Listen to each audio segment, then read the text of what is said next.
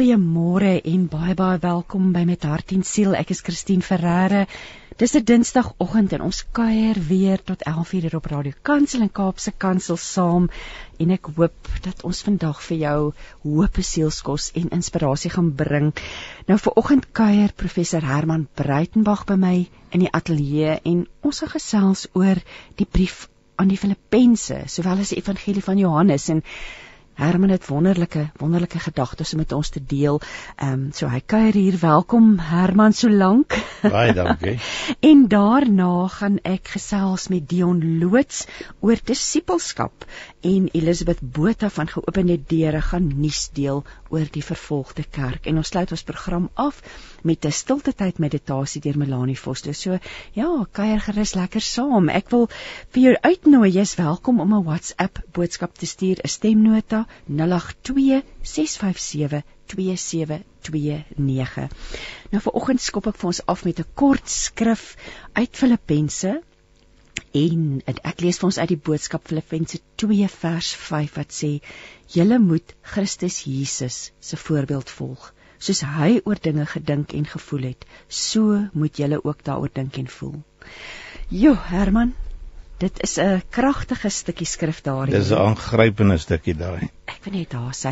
Herman, jy is ek gaan net vir ons luisteraars sê afgetrede professor in teologie. Ja. Jy is tans betrokke by die uh, Florida Park Gemeenskapskerk. Dis reg. Maar jy's vandag hier om oor hierdie twee boeke te gesels wat jy geskryf het. Die eerste een waaroor ons gaan gesels is die Evangelie van Johannes, um uitgegee deur die Christelike Lektuurfonds. Die tweede boek is Christus bly ons hoop die brief aan die Filippense as persoonlike en groepstudie. Dit is ook uh, uitgegee deur die Christelike Lektuurfonds. So Herman twee lekker boeke vir persoonlike en persoonlike selfstudie, groepstudie, maar met baie baie wonderlike boodskappe vir ons vandag. Kom ons begin die evangelie van Johannes. Waarom Johannes? Ja, kyk, die sinoptiese evangelie soos Matteus, uh, Markus en Lukas het ook baie baie mooi en wonderlike boodskappe. Maar vir my lê die evangelie van Johannes baie baie naby aan die hart. Ehm um, en ek dink om verskillende redes. Ehm uh, Johannes vertel nie vir ons iets van die geboorteverhaal of van die wyse manne of van die herders nie. Hy begin eintlik in die ewigheid waar die Vader en die Seun bymekaar was ja. en die Vader het as te ware besluit hy en die Seun in hulle studeerkamer kom ons stuur iemand aarde toe om die mense te kom verlos want hierdie offerandes werk glad nie. Ja. En uh, dis die wonderlike ding toe stuur, word Jesus gestuur. Maar uh Johannes begin ook dan sy evangelie met in die begin was die woord en die woord was by God en die woord was self God. So hy begin in die ewigheid en Johannes se doel is ook om vir ons te lei tot in die ewigheid. So die ek sal sê die oorkoepelende makro metafoor of beeld bo Johannes Evangelie is definitief die ewige lewe. En uh Johannes word soort van as ek dit vinnig kan net noem, hy word so in 3 blokke ingedeel. Hoofstuk 1 tot verduidelik vir ons uh hoe dat God in die wêreld ingekom het en tussen mense kom woon het. Tussen die siekes en die blindes en die lammes en uh mense genees het, mense gesond gemaak het, mense gehelp het om tot redding te kom. So Jesus tussen die mense in Johannes 1 tot 12. Herman, eh, weet jy, soos jy nou gesels, dink ek dit is dan net wat ons in hierdie tyd nodig het om weer te hoor Jesus tussen ons, nê. Nee. Absoluut. Die belangrikheid Absoluut. van hierdie hoofstuk. Ons is nou soos jy sê gefokus op Kersfees, dit, dit is nie aanloop, maar Johannes vat vir ons daar soos jy reg reg nou gesê het na die ewigheid. Ons begin daar by die ewigheid. Ja. Ja. Ja. So en wat vir my wonderlik is as ek dit mag byvoeg voor ek die tweede blok noem, is dat uh Johannes uh, in sy evangelie probeer die dinge net vir ons duidelik uitspel hoe dat Jesus omgee vir mense. Ja. Hoe dat hy belangstel in mense. Hy het nooit iemand weggestoot of weggestuur nie. Hy het eenvoudig uitgereik na mense toe in alle omstandighede. Ek bedoel vat nou maar die Samaritaanse vrou in in Johannes 4. Ja. ja. met wie hy nie mag gepraat het nie. Hy mag nie met haar gesels het nie. Hy kon eintlik met klippe doodgegooi word, maar hy oorsteek hy steek daai grense oor juis omdat die liefde vir die mens en die redding van die mens vir hom so belangrik is. Dan in hoofstuk 12 tot 17 sal jy sien hoe lyk dit ehm uh, as Jesus dan sy familie eintlik op aarde bymekaar maak. Ehm uh, so daar word baie gepraat oor Jesus se verhouding met sy disippels en so aan. En die die die die belangrike uh, hoofstuk is waarskynlik Johannes 13. Ehm uh, daar is dit waar Jesus minder word as die minste belangrike een aan die tafel. Hy kom was dit die voete van die disippels. Nou ons moet onthou destyds was dit so as jy in 'n huis kom nadat jy afstand gestap het, dan bied die mense vir jou 'n voetewassing aan. En ehm um, die voetewassing is aangebied deur 'n heidense slaaf vir 'n Jood. So dit was iemand op wie neergesien is. Dit was nie 'n Jood vir 'n vir 'n ander Jood nie, dit was 'n heidense slaaf. En jy sal sien in daai stuk in Filippense wat jy gelees het, daar staan ook dat Jesus het geword minder as 'n mens, minder as 'n doelos, as slaaf, sê die Grieks. So dit is my die wonderlike ding hier en dan in 1821 of 1820 want 21 as 'n latere byvoeging, maar in 1821 is dit Jesus wat sterf en dan uh op die ouend opstaan en vir ons uh die ewige lewe bewerkstellig. Wat in Johannes 14 al gesê het natuurlik. Ja. Ek is uh die weg, die waarheid en die lewe. Niemand gaan na die Vader behalwe deur my nie.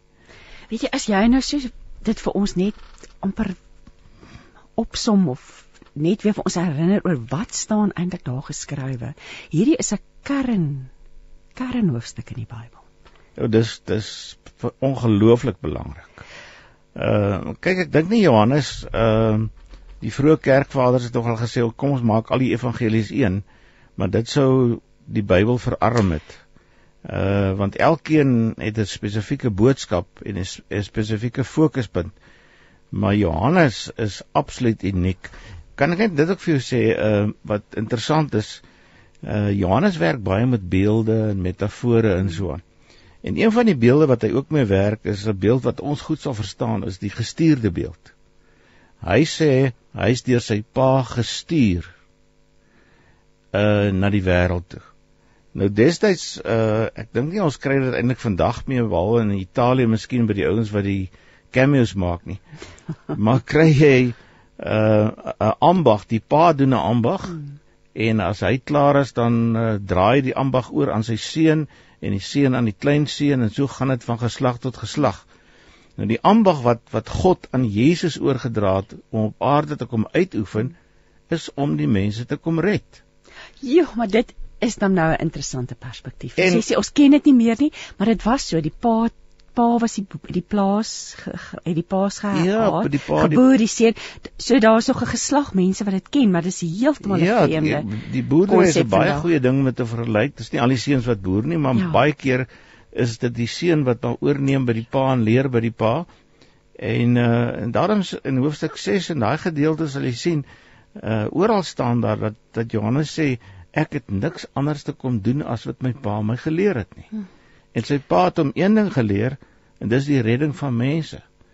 Nou ek weet nie waar pas ons dikwels in die kerk in deesdae in in hierdie tyd in dat ons wil regter speel nie want Jesus speel nooit regter nie. Jesus uh het sagte hande en 'n liefdevolle hart en die wêreld en 'n oor wat luister. Ons het dit meer as ooit nodig. Ek dink ons is as mens nou luister na mense wat praat sê hulle ons aan die einde van hierdie jaar is mense die moegste ooit. Ons kom deur 3 jaar en ons moet so sag met mekaar werk ja, in hierdie ja. tyd want almal se nerve is dan almal se is so hierdie boodskap om weer te gaan kyk na Johannes is ontsettend belangrik. Om ek maar ek is geïnteresseerd ek ons kan nou net dalk weer terug. Ons het so baie om te gesels, ja. maar ek dink onmiddellik aan Johannes homself moes 'n interessante persoon gewees het om hierdie hele perspektief As mens nou dink aan daardie tyd, hulle het saam met hom beweeg. Hulle was saam met hom en hulle het hom almal waargeneem en geluister en elkeen het gekom en sy eie weergawe kom skryf. Ja, en onthou Johannes het bekend gestaan as die liefling disipel van Jesus. Ja. ja. So daar's dis eintlik baie jammer dat daar nie iemand is wat iets oor Johannes en Jesus se verhouding geskryf het nie. Hmm. Alhoewel mense sekere goed agterkom uh en ek dink ons kom dit agter waar hy langs Jesus aan die tafel sit in Johannes 13. Hmm. Maar een van die aangrypendste tekste vir my is Johannes 19 vers 26 waar Jesus aan die kruis hang en wie sit by die kruis daaronder? Hmm. Almal het gevlug. Hmm. Johannes en Maria. Ja. En dan sê hy vir Maria: "Vrou, daar's jou seun." En vir Johannes sê hy: "Seun, daar's jou moeder." Ja. ja. So in die laaste oomblikke in daai pynlike oomblikke voor sy dood dink hy nog aan sy ma. Alhoewel hy haar noem vrou en interessant is dieselfde woordjie wat gebruik word in uh, Johannes 4 met die Samaritaanse vrou. Presies dieselfde woord vir vrou. En hy gee haar eintlik demisie hy onthef haar van haar ampas ma en hy stel haar aan as 'n gewone disippelin in die kerk van haar kind. Hmm. en sy het dit verstaan sy het dit verstaan daarna in Handelinge lees ons hoe dit sy ingeskakel het by gebedsgroepe en so aan Maar uh en Johannes het dit ook verstaan. Maar by Johannes kry ons eenvoudig liefde. Ehm um, en klomp beelde wat vir ons help om die liefde en die ewigheid te verstaan, die redding te verstaan. Want ek dink ek weet nie jy ek jy staan self in die bediening al vir baie jare en ek dink mense sukkel partykeer om te begryp dat God hulle liefhet. Ja. Ja.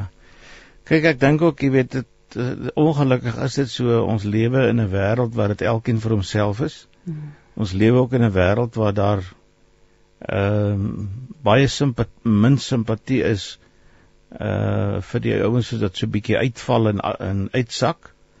Uh maar dis juist hulle wat Jesus genader het. Ja. Jy's hulle wat Jesus gesê het uh, kom na my toe. Ehm um, soos mens amper weer terug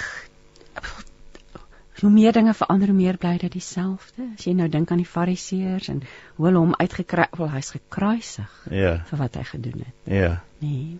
Ja. So dit Jo, wat jy sê nou, jy's jy het juist daai mense nader getrek. Die wat hy's mos uitgekry het as 'n wynsuiper en 'n tollenaar of wat hy's mos allerlei dinge. Ja, ja, ja. Ja, so 'n um, wynsuiper ja. Ja, ja, ja. 'n Vraat en 'n wynsuiper. Ja, sê. Ja, ja, ja, ja. Omdat hy vriende was met die tollenaars en die verwerpers. Ja, ek die, bedoel die ouens destyds wat hulle 613 wette gehad het, kon ook hoegenaamd nie verstaan dat hy ehm uh, by Saggeus verbystap wat bo in 'n boom sit. Mm.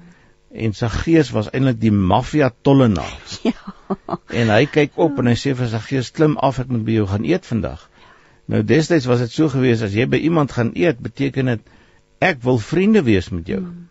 En dis wat hulle nie kon verstaan nie. Hoe kan hy vriende wees met so 'n sondaar, met so 'n ou wat hulle eh, bedrieg en belieg?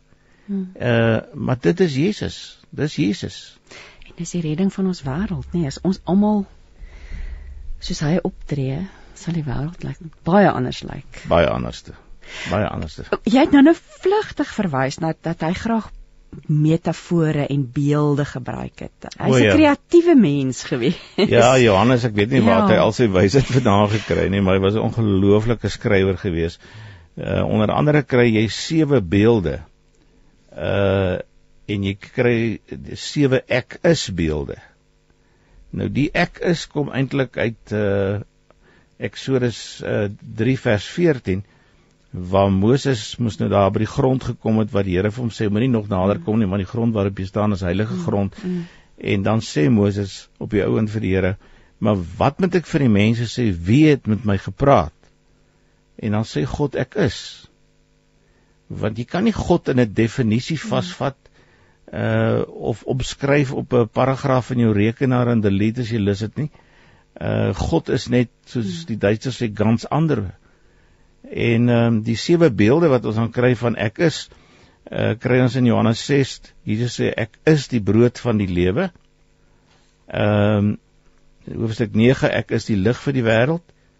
Hoofstuk 10 ek is uh die goeie herder. Hoofstuk 11 ek is die ingang Uh ek is die weg, die waarheid en die lewe. Ehm uh, ek is die opstanding en dan in hoofstuk 15 ek is die wingerdstok. Nou dis eintlik sulke praktiese beelde wat 'n mens ja, kan verstaan. Ja, basiese dinge, brood, ja, lig. Ek bedoel, wingerd. jy kan nie sonder brood en water lewe ja, nie. Ja. En as Jesus sê maar ek bedoel as hy vir die Samaritaanse vrou in Johannes 4 sê wie van my water gedrink het sal in der ewigheid nooit dors word nie dan bedoel hy net dit is waar die redding lê. Ehm um, in Johannes 6 ook met die brood as hy vir hulle sê wie van my geëet het sal nooit weer honger word nie. Dit is net so. Daarin lê die redding en ek een van die pragtigste beelde vir my is natuurlik Johannes 15 waar hy praat van die wingerdstok. Ehm um, ons het nou onlangs in die koerante gesien van die tragiese ding wat gebeur het daar by Grolosdal waar hulle nou die wingerdstokke so afgesny het met willig. En dis so tragies, maar die absolute teendeel daarvan is wat Jesus sê as jy net 'n dwarsnit maak in een van die takkies en jy plant 'n ander stukkie daarin, dan groei hy. Hmm. Want hy kry uit my, uit Jesus uit kry hy die lewenssap om vir ewig te lewe. En so dit dis dis dis beelde wat die ouens destyds baie goed verstaan het. Uh die wonderboere daar in die Kaap dink ek sal dit net so goed verstaan. Uh maar ons verstaan dit ook, is 'n baie eenvoudige beeld. Ah, en weet jy ja, absoluut, maar jy en jy sê ook in die boek hierdie goed help ons om die betekenis ja, ja, ja. van hierdie evangelie te verstaan. Dis asof Johannes vir ons uh, so al vir die oor wil vat en sê man kom ek verduidelik julle baie mooi. So amper ek wil back to basics. Voel dit vas kom nou my gedagte op. Ek hou nie van om Engelse woorde tussenin te gooi nie, maar daardie ja. terug tot die kern en die fondament, nê, nee, net tot die basiese goed. Ja.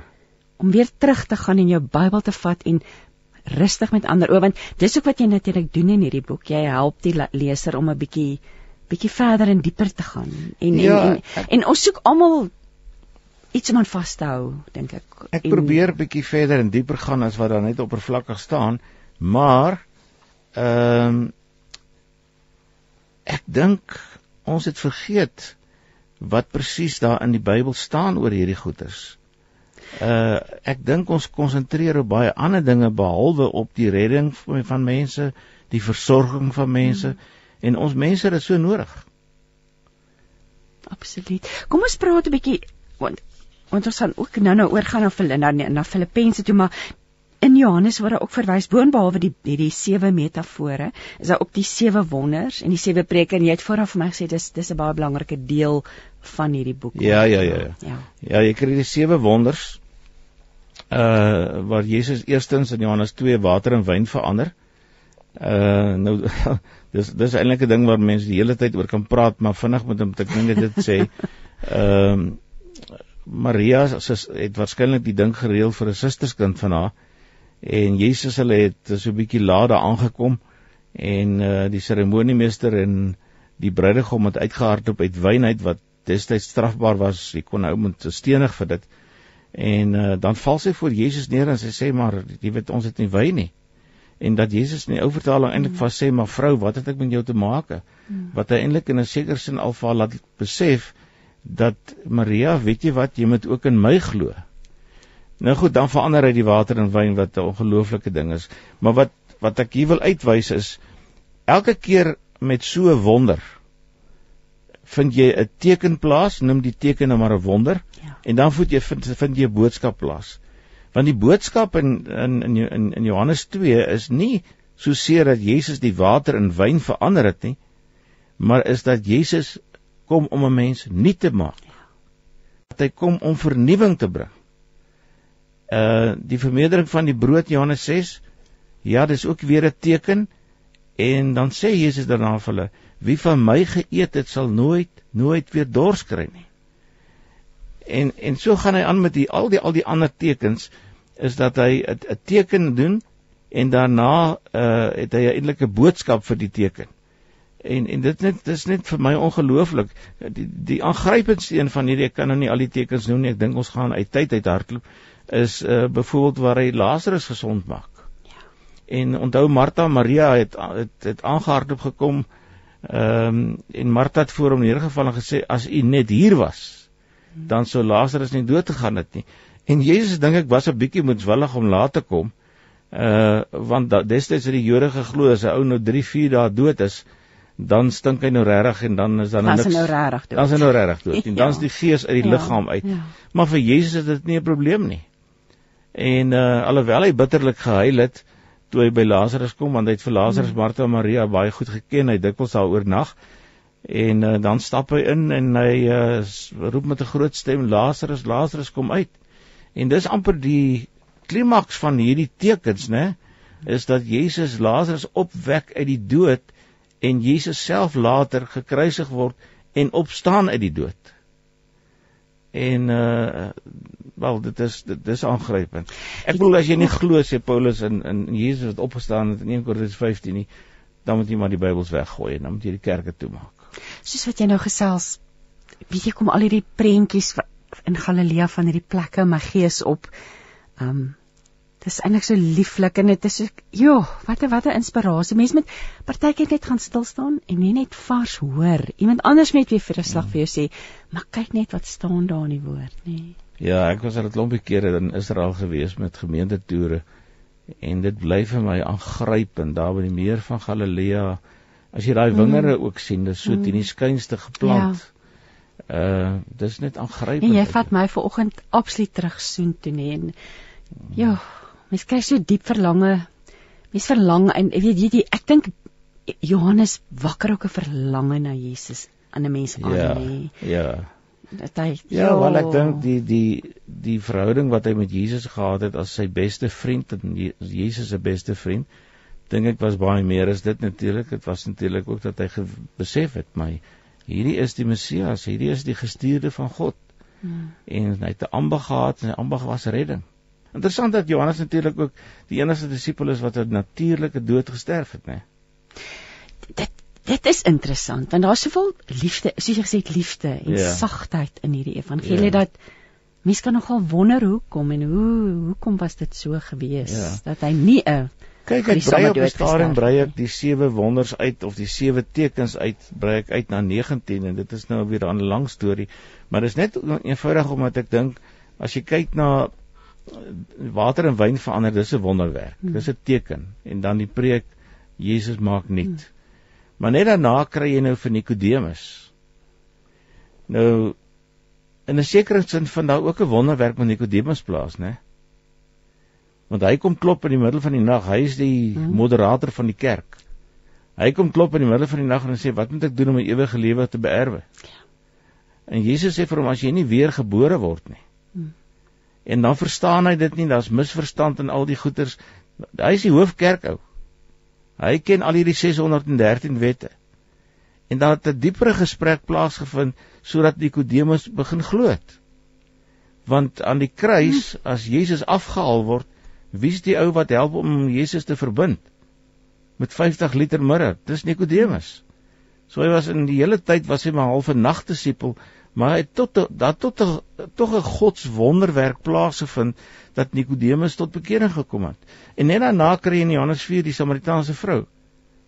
Ek bedoel, ehm uh, dis nie 'n wonderwerk nie, maar dit is ook 'n wonderwerk. Want uh, hierdie vrou het gaan water skep 12 uur die dag. Sy was 'n slegte vrou gewees. Sy wou nie gehad het ander moet haar sien nie. En uh Jesus begin 'n gesprek met haar aanknoop. En wat gebeur? Sy begin stelselmatig verstaan. Sy praat van meneer en dan sê sy is hy nie dalk 'n profeet nie en dan sê sy uh maar sien nie dalk die Messias nie. En skielik kom daar 'n begrip by haar wat 'n wonderwerk is. Ek wil wat hierdie gees bewerk word. Maar maar maar hierdie is die Here. En sy hardloop dorp toe na Sie- maar ek dink nie 'n Sigar nie, ek dink 'n Sichem. Uh hardloop sy in die dorpie toe en 120 mense kom tot bekering. bekering is vol van haar, ja. En so dis nou is dis nou eerstens 'n 'n 'n hoof van die ou van die kerk, dan is dit nou 'n slegte vrou. En dan kry jy nou 'n heiden, die regeringsamptenaar met wie dieselfde gebeur het. En uh en natuurlik moet nie vergeet nie, Jesus reinig die tempel met 'n sweep. En hy gooi die tafels om. En Psalm 69 kom by hom op en hy sê, "Maar julle maak die huis van my Vader 'n handelshuis." Dis nie reg nie. Daar's iets fout met die kerk. Waarop fokus julle? Fokus julle op die geldmakery hiervoor of fokus julle op Christus? Ja. Die prentjies speel so deur my kop. Jy inspireer Herman. Kom ons luister na musiek en dan gaan ons verder gesels net na die musiek. Um Gospel Ensemble sing vir ons irrigeer. Deel die liefde, deel die waarheid en deel die lewe op 657 Radio Kansel en 729 Kaapse Kansel.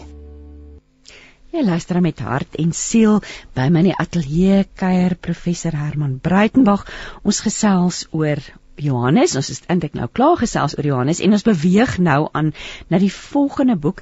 Um Herman het vir my genoem hierdie is maar 2 uit 8 boeke wat jy geskryf het. Um maar hierdie is die twee wat ons vandag op fokus en hierdie boek is die brief aan die Filippense Herman. Baie interessant. Um ek o oh, ek, ek toe toe ek die ehm um, daarna gekyk het en die navorsing gedoen het vir ons vrae was ek baie die indruk sê word maar ek was geraak deur oor wat ons by hierdie mense kan leer. Maar voordat ons dit daarby uitkom vertel ons bietjie meer oor hierdie gemeente hierdie gemeente in Filippi. Graag. Ek ek ek moet dit miskien in so twee twee dele deel. Die eerste ding is ehm uh, mense moet onthou dat die gemeente van Filippi was soort van die enigste ingang of toegang daar in die gedeelte van Macedonië toe want dit was geweldig bergagtig geweest.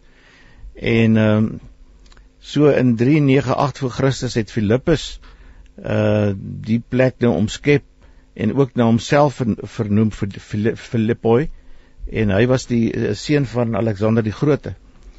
Muur om die stad gebou en interessant uh aan die einde van die jaar het het die soldate van Rome wat nou hulle diensplig voltooi het eintlik daarna Filippi toe gekom en saam met hulle gesinne daar gebly. Maar nou het uh, Filippus ook gesorg dat daar nou hulle eie reëls en wette is en net die Romeine kon stemreg kry en so aan. Ja, interessante ding is ehm um, hulle hulle twee burgemeesters gehad, twee twee oud soldate. Lyk my hulle kon nie ooreenkom nie, so hulle het ook maar 'n koalisie gesluit. Ehm um, om om net ten minste die die dorp aan die gang te kry. Oh. Ehm um, en daar was baie visantboere. Daar was 'n goudstormloop in 358 eh, na na, na daai gedeelte toe. Maar nou moet jy onthou daar's 'n uh, 'n uh, uh, pad gebou, die Via Ignatia wat gebou is van Rome af na Filippi toe, wat soort van nou die snelweg was. So Filippi het eintlik maar net geword 'n deurgangsroete of 'n hawe stad en met 'n hawe stad in so 'n plek is daar baie baie min etiese kodes en daar's bitter min lojaliteit. Nou Paulus uh Paulus en Silas hulle was was in die omgewing van Troas en hulle wou eintlik Klein-Asië toe gaan. En, en ons lees dit in Handelinge 16. Toe kry hulle gesig van 'n Macedoniër wat sê kom help ons asseblief.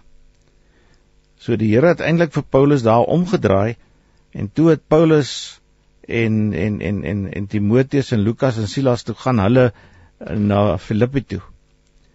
Ehm um, en toe hulle daar kom, toe vind hulle eintlik nou nie 'n kerkie nie. En dit kan twee redes voor wees. Die een is dat uh Filippus die die keiser nou net gesê het nee binne die stadsmure mag jy nie aanbid nie. Of die ander rede kan wees dat hulle maar net veiliger gevoel het om dan daar buitekant by die by die dorp by die by die, by die uh, uh rivier te aanbid. Die rivier se naam was die Krenidas. En ehm uh, daar het Paulus dan nou vir Lydia die purper verkoopster gekry en daar het hulle eintlik inderwaarheid in die kerk begin. Paulus was die eerste keer was hy maar net so uh, bietjie meer as 'n week daar gewees. Dit was hier in 49 na Christus. En uh, toe die ander keer was hy so 3 maande en toe moes hy vlug en toe met 'n mandjie oor die muur laat sak en toe sy weg. So wat ons moet onthou van Filippi is dit was die eerste Christelike gemeente wat gestig is hmm. in daai gedeelte van die wêreld. Uh en ek dink Paulus het sy eie probleme gehad om die gemeente te stig. Uh maar dit is belangrik dat ons dit sal onthou. Die brief wat geskryf is aan Filippi of wat wat uh, ja, aan Filippi geskryf is, is maar eers hier in 62 63 na Christus geskryf. So 'n klomp jare later en dan skryf Paulus en dis belangrik, dan skryf Paulus die brief uit die tronk in Rome. Hmm uh en mens verstom jou dat hy soveel positiewe dinge skryf. Hy skryf niks oor homself nie, hy kla nie oor homself nie. Hy skryf oor blydskap en dat die Here naby is. Ja, Dis hom interessant jy het jy verwys aan die stormloop, gou stormloop die min etiese kodes wat gegeld het. Dit moet my bring tot die vraag wat het die gemeente van Filippi vandag met ons in gemeen? Hoekom is hierdie 'n belangrike boek? Om hoekom is dit belangrik ook vir ons om hierdie brief weer te gaan lees? Ja, ek dink 'n mens sal nou algemene goed sommer kan trek om te ja. sê, kyk, daar was 'n goudstormloop en ja, ons is ook 'n ja. goudstormloop en hier in 1884 se kant. Maar eh, die belangrike ding vir my is en dan was natuurlik 'n klomp dwaalleraars, hmm. maar die belangrike ding vir my was of is dat uh ten spyte van die moeilike omstandighede waarin die gemeente van Filippi was wat uh nie stemreg gehad het nie wat moes inval by die Romeinse wette en daai soort van goeders is dit 'n gemeente wat Paulus aanskryf verbly julle in die Here ek herhaal verbly julle sure. en dat hy ook 'n uh, 'n volgende sinnetjie byvoeg daarin hoofstuk 4 5 5 dat hy sê want die Here is naby. Nou daar's baie ouens wat meen dat grammatikaal is hierdie woordjies die Here is naby eintlik die grammatikale middelpunt van hierdie hele boek. Maar die ondertoon van die boek is blydskap. Dis daai ek dink Aldrich het een keer 'n ding geskryf is hierdie innerlike blydskap in 'n stralende gelaat. Dis nie maar net 'n keep smiling houding nie. ja. Uh maar is 'n diep ja. innerlike blydskap En en ek dink as 'n mens Galasiërs 5:22 uh, kyk na die vrug van die Gees, uh dan sien jy hierdie dinge raak van liefde en vrede en blydskap en vreugde. Ehm um, dis eenvoudig deel van die pakket van van Christus wees. Absoluut. Ek het nou die die buiteblad van die boek het ek ehm dis jammer dat u dit nie kan sien nie, maar ek het dit gemaak in die in die in die vorm van 'n fietswiel. So die naaf van die fietswiel is die verhoging of die vernedering van Jesus en dan die verhoging. Dis die kern, hoofstuk 2 vers 5 tot 11. En dan het daar 14 speke. En die 14 speke koppel absoluut aan mekaar. Want die eerste bespreek begin om te sê ek skryf aan mense behorende aan God. Hmm. Nou behorende aan God moet jy ernstig opvat. En dan kom daar klomp stappe daarna uh wat Christus sê wees gehoorsaam, wees ligdraers, my lewe is 'n offer. Uh wat van opponente met wie ek te doen kry? Hoe doen ek my beplanning? Pas op vir dwaallering. En dan eindig hy weer by die ding om te sê, "Maar julle is nou heiliges." En en dis eintlik vir my die mooi boodskap. Baie eintlik so prakties van toepassing op elke een van ons se lewe nog steeds vandag. Absoluut. Absoluut gaan terug, besef nommer 1 jy behoort aan hom. Ja. Begin daar. Ja. En volg dan dis wat ek dis die wonder van die woord nê. Daar's soveel daarin vasgevang vir ons. Maar ek wil nou terug voordat ons nou weer verder miskien gesels. Jy het so mooi want jy jy en as ek val. Want ons is in 'n tyd waar En ek dink mense hoor dit gereeld, maar dit is die waarheid en dis die realiteit dat mense kry swaar en dit wil teruggaan na Paulus het nie tronk gesit. En daar's 'n groot klem ook dan op vreugde te midde van swaar kry. Ja. Hoe doen ons dit? Wat wat hoe het Paulus dit reg gekry en hoe kan ons dit reg kry? Ja. Ek dink nie dis so maklik nie want nee, uh in nee, moeilike omstandighede ja. is 'n mens geneig om uh, te veg of te vlug of jy is geneig om soort van te gaan wegkruip uh en ek dink ons almal het al deur baie moeilike omstandighede gegaan wat jy hmm. eenvoudig nie weet hoe om te hanteer nie. Ja. Ehm um, en dan is dit maklik om goed te lees van Viktor Frankl Man Search for Meaning wat sê jy kan jou uh omstandighede nie kies nie, maar jy kan jou reaksies in die omstandighede kies. Maar die reaksie wat ons Dis nie so maklik nie. Dis ook nie so maklik nie. En ek dink die een ding is wat vir my in my lewe gegeld het is dat ek myself bewus gemaak het en soms bietjie gemediteer het oor die nabyheid van God. Ja. En ehm um, as jy nou byvoorbeeld Jesaja 6 vat. Ek dink nou sommer skielik dan dis die troonvisioen. En jy lees daai stukkie en jy gaan lê op jou bed of jy gaan sit ergens onder 'n boom en jy maak jou oë toe en jy probeer daai gedeelte visualiseer van God op die troon, die engele, die gerubs en almal wat sing heilig, heilig, heilig is die Here. Ek dink dis genesend. Net om te weet dat die Here hy's nie oprukkerig nie. Die Here het nie het nie een of ander kommissie wat jou gou eers wil ehm um, bykom en 'n paar houe toe dien nie. Hy kom met oop arms na ons toe. Ek sien die Here en God glad nie as iemand wat vingerwysend na ons toe aangestap kom nie. Maar as iemand wat sy arms na ons uitstrek en ons wil opstel, op optel en al moet hy ons nou deurdra deur die krisis, dan doen hy dit. Want sy liefde is net oorweldigend. Ek wat my opval die 'n stukkie wat my nou opgeval het is die 13de spreek wat sê Christene moet anders lewe. Dit staan ook so Filippense 4 vers 4 tot 9 as as mens nou by die huis self wil verder lees. Wees bly in die Here, wees bly. Kom ons gesels 'n bietjie hier. Christene moet anders lewe. Vertel ons 'n bietjie meer oor die inhoud van hierdie hoofstuk. Dit voel vir my dis dalk iets wat ons vandag moet oorbesin. Ja, die gedeelte van hierdie hoofstuk gaan ook daai een opskrif is onder andere die Christelike lewenswandel.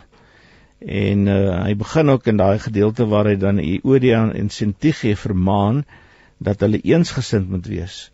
Nou eensgesind beteken nie eenders nie, maar jou eensgesindheid lê in 'n verhouding met die Here. En ehm uh, nou lyk my as hy dit nou uitgesorteer het, dan kom hy met baie kragtige woorde om te sê julle moet altyd bly wees in die Here.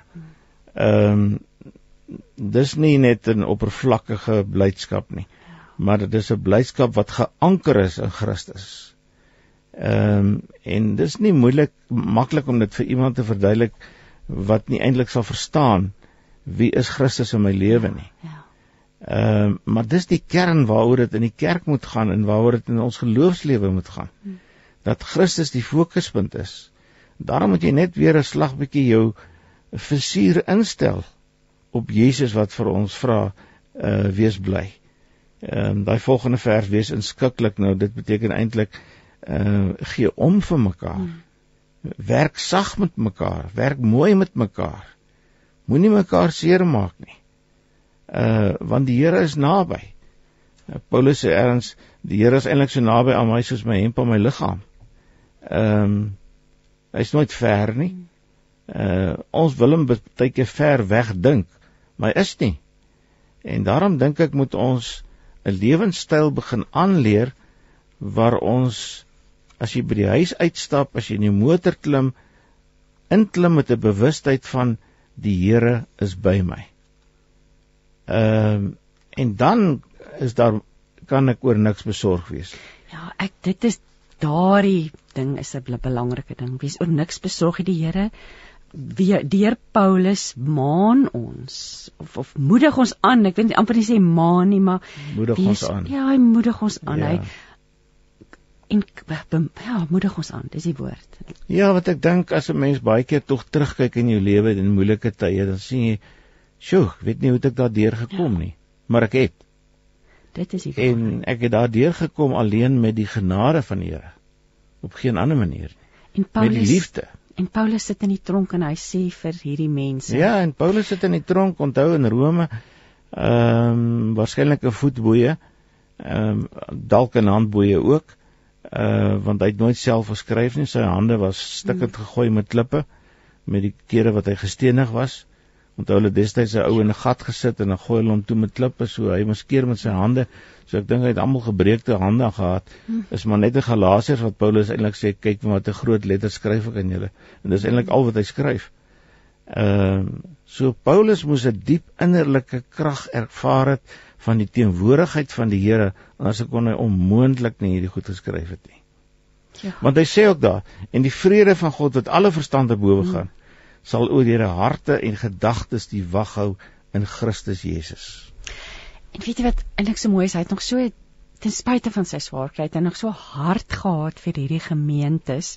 Hoe wat was die wat het gebeur en daar hoe die gemeentes gelyk of Filippi in daardie tyd gelyk toe Paulus nou na al hierdie jare weer skryf of wat ons nou weer weet hy het geskryf. Hy moes sekerlik maar tussenin geskryf het ook. Ja. Was daar groei? Was daar by dit goed gegaan toe? In Filippi. Dit het goed gegaan of dit het beter gegaan as die tyd toe hy daar was. Ehm um, want toe hy daar was was dit net maar net uh, Lydia die purperverkoopster en 'n paar ander wat daar by die rivier bymekaar gekom het. Maar intussen tyd het die gemeente begin groei met met genade. Hmm. Uh want daar was 'n heerser uh voor wie jy moet kniel en aanbid. Uh, daar was uh die Jode het byvoorbeeld nie stemreg gehad nie. Die Romeine was wreed teenoor die Christene gewees, maar ten spyte van dit alles het die gemeente gegroei. En uh dit is maar net God se onverstaanbare, onverklaarbare werking. Uh maar goed, die Here wil natuurlik vir ons gebruik in dit alles, né? Ja. Ehm um, want hy sê ook, jy weet as as as jy met gebed en smeking en danksegging aan God jou behoeftes bekend maak, sal daar 'n vrede kom wat jou verstand te bowe gaan. Jy sal dit nie kan verstaan nie. Sjoe, Herman, en jy weet ek ek is seker luisteraars wat nou hier sit en luister kan daarvan getuig. Ek dink ons kan almal daarvan getuig dat daar kere in ons lewe was wat ons nie geweet het watter kant toe nie. En dat daai vrede wat alle verstand te bowe gekom het oor jou gekom het, nee. Ja. Een van die ander temas of uh, punte wat jy aanraak is van geloofskrisis tot geloofsbelijheid. Omdat Paulus het eintlik 'n ongewone, interessante lewe gehad. Ons ken sy sy storie die Damaskus ervaring Hoe beweeg 'n mens?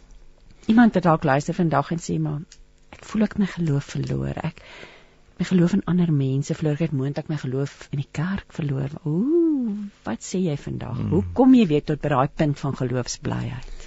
Kyk, ek moet sê ek haal my hoed af vir Paulus. Ek sal graag enig hom wil sien in die hemel. Ja. Ja. Maar as ek net 2 Korintiërs 11 lees, dan word daar 'n uiteensetting gegee van sy curriculum vitae wat eintlik vertel van jy weet hoeveel keer is hy ek dink 5 keer is hy uh met 'n kats geslaan mm. sy rug stikkend geslaan oopgekloof uh hy's 'n keer of wat gestenig hy's gekiel al onder die skip mm. boot getrek op op al hierdie wrede maniere het Paulus op 'n manier dit oorleef en ek dink dis hoekom hy daar ook sê jy weet uh al wat ek wens is om na Christus toe te gaan Uh so Paulus het eintlik in 'n sekere sin 'n stryd as jy in Filippense 1 kyk. Uh dis nie dat hy nie 'n stryd gehad het nie. Uh is is dat hy sê uh om te sterwe sal vir my wins wees. Uh ek dink ja. vers 21. Ja. Om te sterwe sal vir my wins wees. Want dan s ek by die Here. Maar ter wille van julle sê hy moet ek nog bly lewe. Hm. En en en dis die wonderlike ding wat ek uh my verstom oor Paulus maar dis maar wat die Here vir ons ook krag gee om deur moeilike tye te gaan tye wat ons self nie kan verstaan nie wat ons nie kan verklaar nie en ek ek hou ook nie daarvan dat mense sê ag man jy moet net berus nie ek dink nie daar's 'n Christelike woord soos berusting nie ja. ek dink jy moet kom tot aanvaarding ja, ja. En aanvaarding kom deur worsteling op jou knieë soos wat Job al moet hy dan op stadium op stadium opstandig word Hmm. En ek bedoel dan kom hy deur uh, deur worsteling kom hy tot aanvaarding. En dis die dis die ding. Ek bedoel 'n mens mag vir die Here vra, nee Here, dis nie af, uh, aanvaarbaar nie. Dis nie regverdig nie. Dis nie lekker waardeur ek hmm. gaan nie. Jy moet my laat verstaan hoekom gaan ek hier deur. En al verstaan jy dan dan dan nie, gee jy ten minste vir jou die, die krag wat jou verstand te bowe gaan.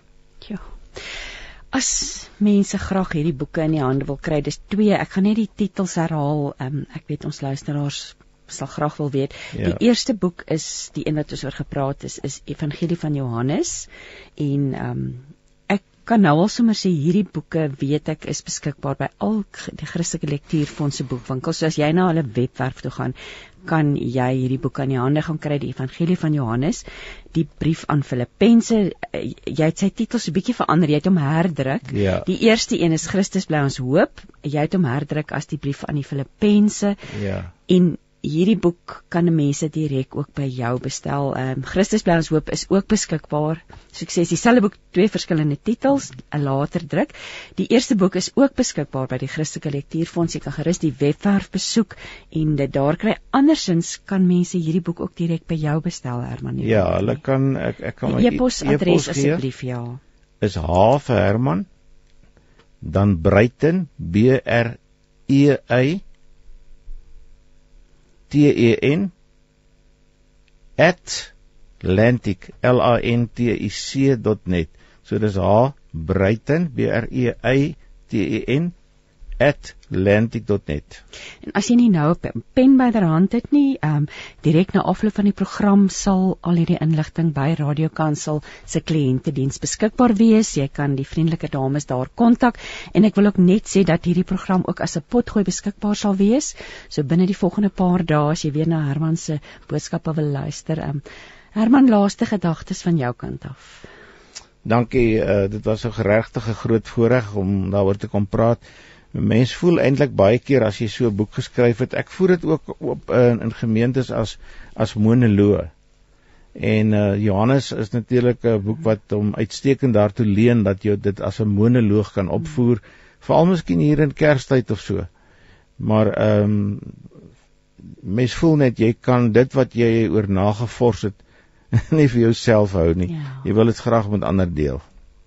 En dankie dat jy dit gedoen het want dit dit inspireer 'n mens regtig om net weer terug te gaan na die woorde, nê? Ja. As jy oorweldig voel, gaan net terug na die woorde. Ja. So die brief aan die Filippense, Evangelie van Johannes en dis professor Herman Breitenberg wat by my in die ateljee gekuier het. Kom ons luister na musiek. Musiek Jonathan Tulin gaan sing Masquerade. Geloof, hoop en liefde. Ervaar oorwinning in jou lewe op 657 AM. Jy luister na met hart en siel en ons gaan nou gesels met Dion Loots um, oor 'n boek met die titel Geniet God gesels saam oor disippelskap. Dit word uitgegee deur Barnabas Uitgewers en um, ons het vir Dion op die lyn. Môre Dion. Goeiemôre Christine. Hoe gaan dit vandag daar? nee, dit gaan baie goed, dankie. Jy is in die Oos-Kaap geleë nie waar nie? Ja, ja. Nou by Spitlerwil is ek by 'n retreat sentrum. Dit klink net vir my nou ek's baie lief vir die Oos-Kaap, so dit klink vir my 'n baie idillies. Ons is deur 'n geweldige storm hier in Gauteng gister, so dit lyk ja, of lyk wie wederkoms gebeur het of nie. So ou se nou baie graag daar in Stellenbosch wil in die Ooskaap wil wees in hierdie moment. Dion, jy het 'n boek geskryf oor disippelskap. Disippelskap lê jou geweldig na aan die hart, maar voordat ons praat oor jou eie reis met disippelskap, wil ek by jou vra hoekom die naam van die boek. Dis die boek wat ek in my hand het is so 'n seentjie wat verskriklik vrolik hardloop en dan staan daar geniet God met 'n uitroepteken. Dit's amper dis is 'n ongewone titel. Vertel vir ons 'n bietjie meer. Ja. Ja, um, ek ervaar dat dit seker een van die grootste kopskrywe is wat baie kinders van die Here moet maak is dat God nie iemand is vir wie jy bang te wees of wat jy bedreig nie, maar dat dit primêr daaroor gaan dat ons God moet leer geniet. Die eerste vraag van die Westminster Confession vra wat is die belangrikste doel van die mens op aarde? Dan sê sy antwoord om God te verheerlik en vir altyd te geniet. Nou, vir my is dit nogal 'n passie om vir mense te verstaan dat God iemand is wat geniet moet word. Nou ek het nie aanvanklik aan die titel gedink nie, maar terwyl ek nou met die uitgewers met Gideon van der Walt by CLF gepraat het en nog bietjie gedagtes geruil het, het hy vir my eintlik gevra: "Hoekom noem ons dit nie geniet God nie?" En toe hy dit sê, toe weet ek net dit is wat dit moet wees. Hmm. Dis so 'n positiewe boodskap, nee, en dis soos ek soos jy ook tereg gesê, dis ongewoon. Ons dink nie daaraan nie. Dit ons sien hom as soms as 'n as 'n somber vader wat ja, wat tog ja. in ideal en en, en dit's eintlik glad nie waaroor dit gaan nie. Disippelskap. Hierdie hele boek gaan oor disippelskap, maar vertel so ietsie van jou reis en hoekom lê dit jou so na in die hart? Ja, nou ek het van dit ek die Here regtig beter leer ken het hier in my laat hoërskooljare um, baie begeerte gehad om hom nog nog beter te leer ken. So ek is toe eers weermag toe in toestel in Boston vir 7 jaar waar ek nou teologie gestudeer het. En dit was my baie goeie tyd daar, baie geleer en ontdek in toe sit Zambië toe vir 8 jaar. Nou daai 8 jaar was vir my weer 'n bietjie ontblotend. Ek het agtergekom ek is nog nie so smart as wat ek gedink het nie. En bietjie pas ehm um, sleg goed in 'n vreemde kultuur en vreemde omstandighede dan pop haar baie keer goed uit wat jou verras. Nou toe het ons teruggekom Port Elizabeth toe ek as beroep as studenteleraar hier en in daai tyd het ek die geleentheid gehad om 'n 7 dag retreat by te woon. En by daai retreat het dit asof die Here vir my net gewys het dat ek in my bediening baie daarop ingestel is om mense te behaag. Ehm um, ek kom agter baie Afrikaanse mense ken nie die woord behaag nie, dis nou om te please. Ja. En dat ek nie ingestel is daarop reg op wat hy van my vra nie. Nou dit was my baie sleg om dit te ontdek, maar ek geweet dit is waar. En in die proses het ek nou met die Here daaroor gepraat en hom gevra maar wat wat vra hy dan eintlik van my? Wat wat is op sy hart vir my? En toe daar net hierdie gedagte by my opgekom, Dion, al wat ek van jou vra is net om my kind te wees. Ontspan. Nou dit was my geweldig bevrydend en in daai tyd daarna het ek dit is asof net 'n berg van my afgerol het en ek my hele bediening daarna anders benader het. En kort daarna het ek net weer ervaar in my stilte tyd kom die gedagtes op maak disippels. Maar ek van daai tyd af ek my eie reis van disippelskap was net 'n reis van ontdekking en groei wat nooit ophou nie. Ek sê altyd vir mense hierdie reis is 'n reis nader aan God, 'n reis na God toe en omdat God nooit vervelig kan wees nie, kan hierdie reis nooit vervelig wees nie. En omdat God nooit eentonig is nie, kan hierdie reis nooit eentonig wees nie. Dis daar's altyd nog om te leer, daar's altyd nog om te ontdek. Maar ook met die reis het ek later ontdek daai gedagte van wees met my kind. Dit is absoluut die hart van disippelskap. Wat is 'n refrein die hele boodskap deur die Bybel loop. Ek wil vir jou God wees en jy moet my kind wees. So dis so 'n kort Dit is my interessant want op die agterblad sê hulle eh, word daar geskryf die boek help om die kerk te verstaan waarom ons is wat ons is en waarom ons so sukkel met disippelskap, Christen wees en kerk wees. Dit gaan nie oor lidmaatskap nie, maar oor disippelskap. Ja. Wat jy het net nou vir ons verduidelik. So dit beteken eintlik net om in God se teenwoordigheid te wees, om hom deur jou lewe te verheerlik. Kom ons gesels want binne elke hoofstuk dit is baie interessant. Begin met die opskrif goeie nuus uitroepteken.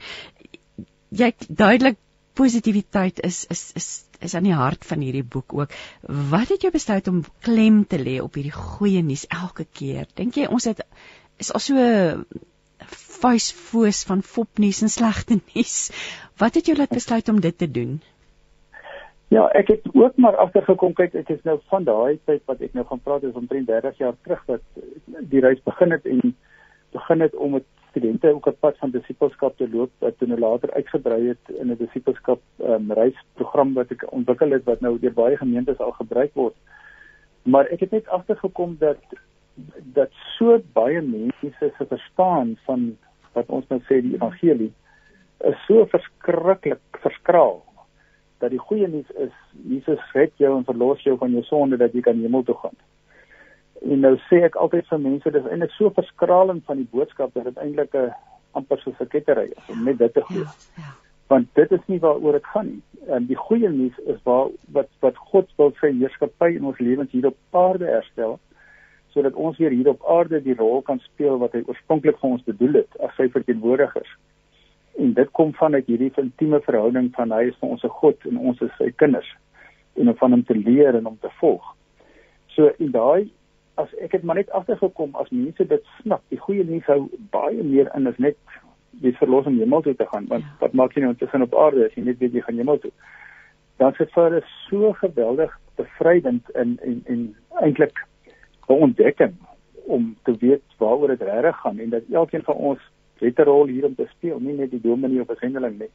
Maar God wil hê elke mens moet as sy leerling, as sy disipel hom verteenwoordig daar waar hy of sy hulle bevind.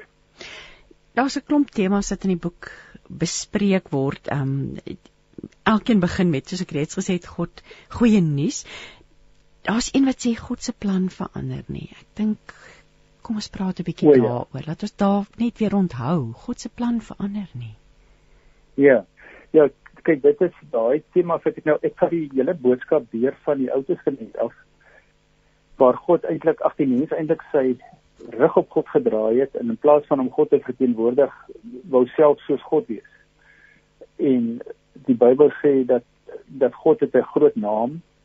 Hy is 'n koning wat heers en hy het 'n wil. Baie sterk wil vir sy koninkryk. Nou om soos God te wees beteken dan want die mens as verteenwoordiger is geskep om God se naam groot te maak en God se koninkryk te dien en God se wil te doen. As die mens nou wil God wees, dan begin dit gaan oor jou eie naam, jou eie koninkryk en jou eie wil. So en en God het van die begin af vir die mens teruggeroep na daai oorspronklike bedoeling toe. As hy by Eksodus 19 vir Moses sê en vir die volk sê as julle my gehoorsaam is, sal julle uit al die volke my eiendom wees. Julle sal weer my naam dra. Julle sal 'n koninkryk van priesters wees. Julle sal weer in my koninkryk diens doen. En julle sal 'n gewyde heilige nasie wees. Dit beteken afgesonder om God se wil te doen. Dan begin God met daai wel eintlik al met die roeping van Abraham, maar die herstel van daai proses. En as jy dan die Ou Testament lees, dan lyk dit net gaan nie werk hierdie hierdie ouens wil net nie luister nie. Hulle hulle verstaan nie hulle hulle bly hulle reg op God draai. En dan kom Jesus om alles te kom doen wat Israel misluk het om te doen. So God hou nie op nie. Hy hou aan en aan en sy liefde is net ongelooflik geduldig sodat Jesus op die ou end vir ons alles as 'n geskenk aanbied en sê dis nou gratis as 'n nuut, jy kan dit net ontvang. So dit is dis maar daai tema dat dat God net nie opgee met met die mense nie. Dis maar as jy deur die boek blaai, ja, dis dit dis herinner ons daaraan dwarsdeur met so en dis baie interessant uitgelê, klein kort ge ehm um, brokkies kan mens dit maar noem wat gaan oor in julle hulle julle noem dit ook disipelskap beginsels. Dis skiep skies ja. tog haak ek nou hier vas disipelskapsbeginsel. Hier's een wat byvoorbeeld sê die reis begin met die vraag waar is jy? So kom ons praat 'n bietjie oor hierdie kenmerke van 'n disipel en en en sien ons onsself as disipels. Ehm um, en hoe kan dit hoe kan ons dit verander? Ja, kom vra dan een nou. ja, nee, dit is dit is vir my die jammer dat in die kerk dit so geword het dat dat baie mense sê nee, wat disipelskap is nie vir my nie. Ek is maar net 'n gewone Christen. Jy weet so asof dit net vir sekere mense bedoel is. Ja. ja.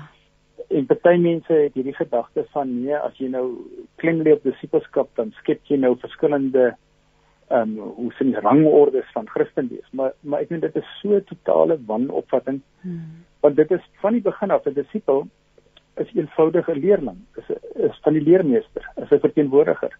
En geen, maar geen kind van God kan tog sê maar ek is nie 'n leerling, ek wil nie van hom leer nie. Ek kan sonder hom klaarkom. Hmm. So, maar ek toon ook nou aan in die boek hoe in die kerkgeskiedenis na Konstantin die kerk staatskerk verklaar het, daar 'n geweldige klein verskywing gekom het van disipelskap na lidmaatskap. En dit het baie daartoe bygedra dat mense begin dink dit is maar oral om net te weet jy gaan hemel toe en jy hoef nie jare mm. vir God te volg en te gehoorsaam as disipel. So en, en dan mis hulle eintlik alles wat God vir ons bedoel het want die die vreugde van kind wees en van kind van God wees lê juist daarin om werklik sy disipel te wees om te leer ontdek wat sy doel met my hoe moet ek hom verteenwoordig en waar So dan ek begin ek met daai vraag. Ek meen dit is maar soos toe Adam en Eva nou hulle rug op God gedraai en dan kom God na hulle toe met die vraag: "Waar is julle?" Hy kom soek op. So hy is die opsoekende God wat altyd weer na ons toe kom en vra: "Maar waar is jy?" Ehm um, kom, ek het jou nodig. Ek wil 'n verhouding hê. En ons terugnooi na daai verhouding toe van ek wil vir jou 'n God wees en ek wil hê jy moet vir my 'n kind wees. So ek het agtergekom baie mense het ook nadat hulle nou ek het nou 'n ander hele disipelskap reis ontwikkel met sewe modules dat hulle na 'n paar modules moet sê, "Jo, ons het nooit geweet dis dis waaroor disipelskap gaan nie." Ons het altyd gedink dit beteken jy moet nou mense gaan evangeliseer of van deur tot ja. deur loop en mense konfronteer en sulke goed. Dis sulke wanpersepsies wat mense daarvan het. En om net te ontdek maar dit gaan oor jou alledaagse lewe um, om net hom te leer ken en te leer volg. Dit is, is vir baie mense geweldig 'n uh, groot ding. En natuurlik nou, herinner jy ons in die boek dat Jesus wys ons die pad. Ons doen dit nie alleen nie. Ja. Hy ja. hy, hy lei ons op die pad daar. Jy wou ook 'n hele hoofstuk daaraan. Ja, ja, Jesus kom as die volmaakte dis model eintlik van 'n disipel. Dit is wat ons in Johannes Evangelie sien waar in al die beginsels alles wat Jesus daar sê is ook belangrike beginsels soos wat hy sê maar die seun kan niks uit sy eie doen nie. Hy doen net wat hy die Vader sien. Ek meen dis kern van kind wees God wees van disipelskap. Nou hoeveel Christene sê ag wat ek worry nie ek doen goed op my eie. Ehm um, hulle dit daar's nie eers die gedagte maar wat wat wil God hê moet ek doen nie. As hy Jesus kom almekaar hy sê sonder die Vader kan ek niks doen nie. Hy sê my voedsel is om die wil te doen van die Vader wat my gestuur het en om sy werk te voltooi. Dis nog 'n kernbeginsel van disipelskap. So ek dis net vir my in Jesus se lewe sien ons wat beteken dit om 'n disipel te wees. ek ek my oog val nou hierop ene wat wat eintlik 'n baie interessante een is wat sê disippels weet dat daar geen nodigheid is om hulle self met ander te vergelyk en te begeer wat ander het nie. Dit val binne 'n ja. hoofstuk wat sê God wees kind wees. Ehm um, ja. Ja, ek dink ons dis weet in 'n materialistiese wêreld is hierdie ja, so 'n nee, belangrike beginsel. Daardie ding is vir mense net so bevrydend om dit te ontdek want ek ek sê altyd vir hulle as jy net dink aan aan die skepping aanvanklik voor die sonneval. Ek dink dan sou elke mens 100% tevrede gewees het met wie ek is en hoe God my gemaak het met my gawes en my persoonlikheid. Daar sou geen vergelyking gewees het nie. Want elkeen sou geweet het ek het ontvang wat ek ontvang het om God te verteenwoordig op 'n unieke manier. Maar na die sonneval nadat mense nou soos God wil wees, dan kom hierdie twee goed die wêreld in wat nie God nie geskep het nie en dis vergelyking en kompetisie. Ja. Want nou om God te wil wees, moet ek beter as ander wees. Dan moet ek myself met ander vergelyk en ek moet probeer om ander vinniger, slimmer, mooier, al daai goed, alles word te vergelyk. En dit vernietig mense lewens. En ek het baie lank met jong mense gewerk en daai goed het soveel mense so seer gemaak, net daai dat hulle van kleins af vergelyk is met 'n boetie of 'n neefie of 'n klasmaatjie en altyd gevoel het hulle skiet te kort. En om dan te ontdek maar God vergelyk jou met niemand. Jy's uniek en hy wil jou gebruik vir wie jy is. Dis ook baie bevrydend. Ja, die woord FOMO staan net langs hierdie brokkie, fear of missing out. Dis 'n moderne woord wat eintlik soos jy sê so 'n negatiewe implikasies het.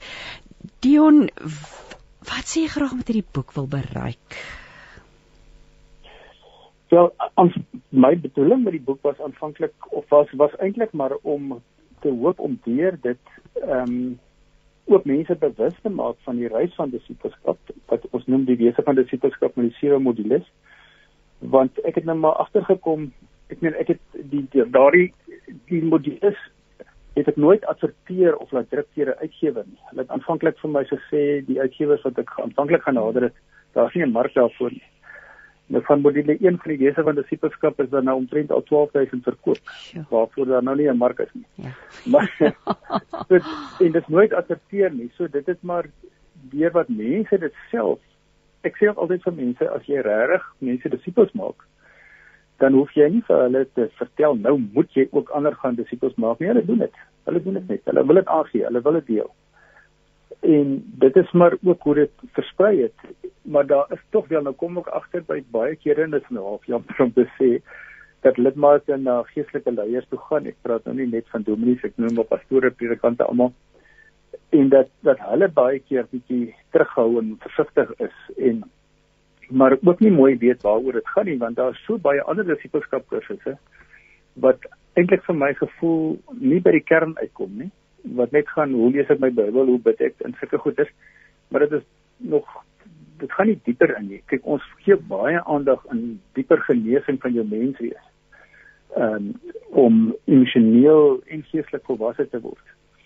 So ek het maar gehoop dat as mense meer bewus raak deur hierdie boek van waaroor dit regtig gaan, sal meer mense ook betrokke raak by die hele reis wat maklik 5 tot 7 jaar kan duur Nou sê baie mense vir my veral dominees weer Ek weet nie iets wat korter is nie. Sê ek maar disipelskap is nie 'n kort pad nie. Ja. So dis is nie kort pad met disipelskap nie. En absoluut lewensveranderend, nê? Want die oomblik wat jy ja. jouself sien op hierdie manier, dit verander jou hele lewe. Dion, ja. ek is ek is geïnteresseerd so voor ons klaarmaak en ek, ek gaan vir ons luisteraars weer eens net herinner, die boek is beskikbaar by al CLF se boekwinkels ook aanlyn. Besoek hulle webwerf clf.co.za ja. as jy die boek in die hande wil kry. Vertel net vir ons so voordat ons afsluit ietsie oor julle retreat sentrum. Dit klink vir my fascinerend. Dit het so uit die disipelskap reis uit ontwikkel gegroei. Kyk, ons het maar ek het hierdie jare begin om retreats aan te bied um, wat saamgaan met die disipelskap materiaal. En in die proses het God dit op ons harte gelê om ons eie retreat sentrum te ontwikkel. Nou dit het begin met 'n visie wat ek maar gedeel het met van die mense wat saam met my op die reis is. En almal was baie opgewonde daaroor. Nou is dit baie lang storie, maar in kort kom maar op neer dat God op die ouend vir ons 'n belofte gegee het want ons het nie geld gehad nie. Ons het geen ons is niks nie een van ons het van die uh, trustees van die Shema Trust dis nou sentrum se naam is Shema het die geld om so iets op te rig nie. Maar ons het net in Psalm 81 die belofte gekry wat jy nodig het sal ek aan oorvloed gee. En dit het werklik so gebeur dat die Here net wonderbaarlik voorsien het dat ons nou regtig goeie geriewe het. Ehm um, mense kan baie gerieflik elkeen bly in 'n enkel kamer en dis stil, dis absoluut afgesonder. Mense kom daar oor van oor die hele land soontoe en dis regtig 'n plek waar af so baie mense um, en dit is alle denominasies, alle kleure wat sê net maar dit is asof hulle God se teenwoordigheid net daar aanvoel. Ek, ek my gebed was altyd dat dit een van die binplekke in die wêreld sal ja, word. Ja. Ja. En en dis wat ek dink regtig gebeur het daarso. So kan 'n mens vertel, kom mens vir 'n spesifieke kurs of 'n retreat wat formeel aangebied word of kom jy sommer net om naby aan God te kan wees? Is daar waar kan mense meer te wete kom? Ja, nee albei, kyk van die disipelskap mense wat die disipelskap reis doen, kom vir disipelskap retreats, maar dit doen ek so 'n paar keer, 2, 3, 4 keer 'n jaar. Die res is net vir kom stil word. So daar word nie aangebied nie. Ek gee vir mense riglyne hoe om na God te gaan luister en dan kan hulle met my gesels daaroor. En dit is absoluut lewensveranderend. Ek het net agtergekom ons hoef nie vir mense baie lesings te gee of te vertel as hulle net weet om na God te luister nie. Nou hoor hulle alles wat hulle moet hoor en dit is verstommend elke keer om te sien. So ja, ek het daar's ook 'n webblad vir die retreat sentrum is shema s h a m a.net um, .za. So dis nie dot so so gewoonlik c o z a nie, dis net .za. En daar kan hulle 'n paar foto's sien in die program en bietjie sien waaroor dit gaan. So baie groepe kontak my of nie net groepe nie individue ook en vra kan hulle sekere tyd kom. Daar was nou so rukkie terug iemand van Nabie vir 11 dae daarso wat net bietjie wou wegkom. So ja, en dan praat ons maar saam kyk waar hoe kan ons dit inpas. Ag, oh, dit klink absoluut wonderlik hierdie tyd van die jaar om jy te gaan stil word daar by die voete van die Here. Ehm um, so ek herhaal net weer die webwerf as jy meer wil weet oor die Shama Retreat Sentrum in die Oos-Kaap, Stytler wil in die Oos-Kaap. Dis www.shama.net.za en soos ek voorheen gesê het, hierdie inligting gaan ook by Radio Kansel se kliëntediens beskikbaar wees. Dion Baie baie dankie. Ek weet nie of jy dalk 'n laaste gedagte van jou kant af het nie. Ons waardeer dat jy met ons gesels het vanoggend. Ja, nee, baie dankie vir die geleentheid. Dit is regtig, ek sou sê my my passie is maar nog al die tyd ek wil graag hê mense moet ontdek wie God regtig is, want dan sal hulle hom geniet. Dat hulle kan opgewonde raak oor hom en nie hom beleef as soos baie mense voel dit vir my hulle dink hy's 'n bietjie kwaai en 'n pretbederwer.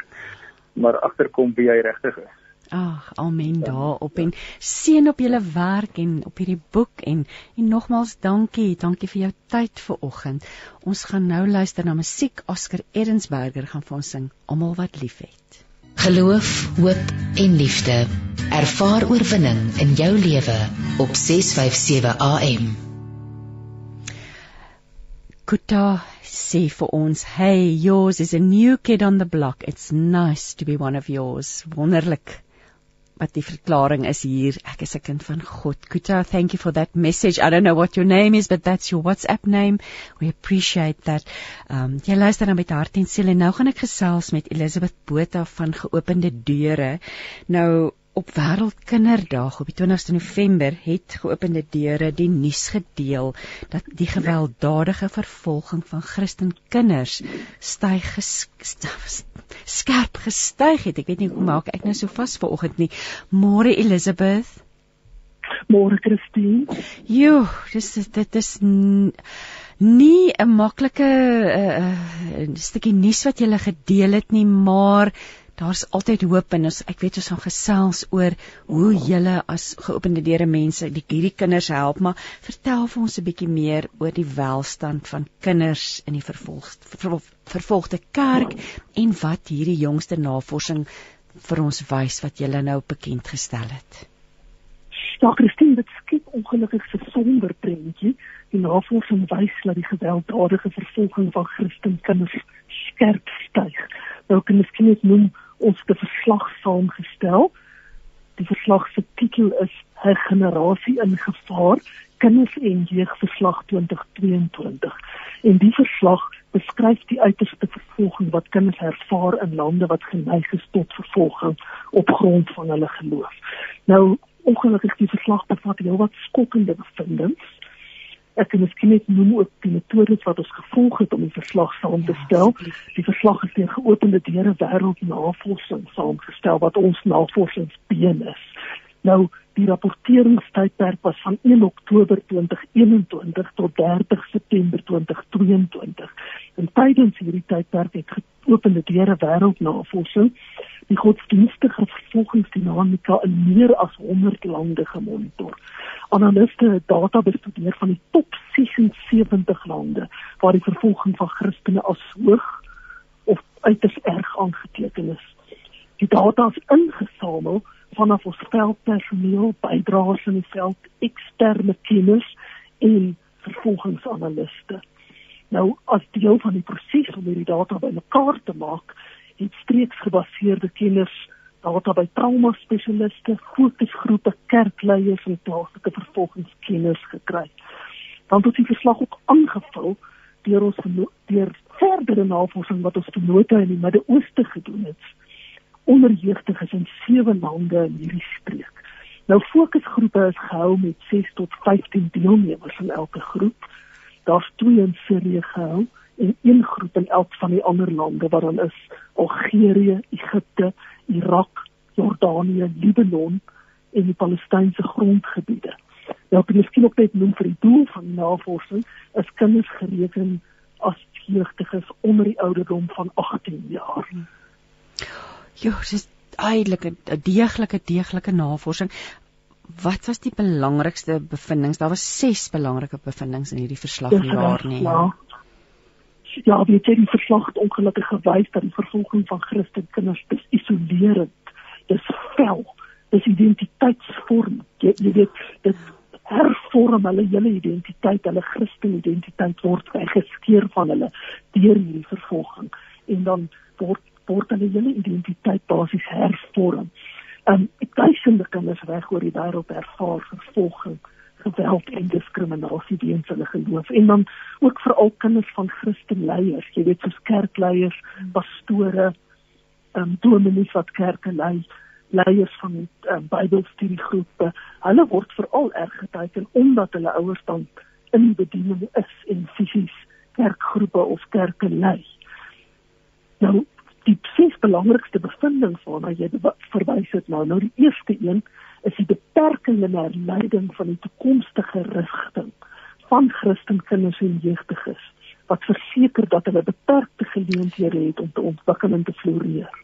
Nou waarop dit basies neerkom is dat die vervolging wat hulle in hulle kinderjare ervaar, beïnvloed hierdie kinders se toekomstige geleenthede in hulle persoonlike en professionele lewens.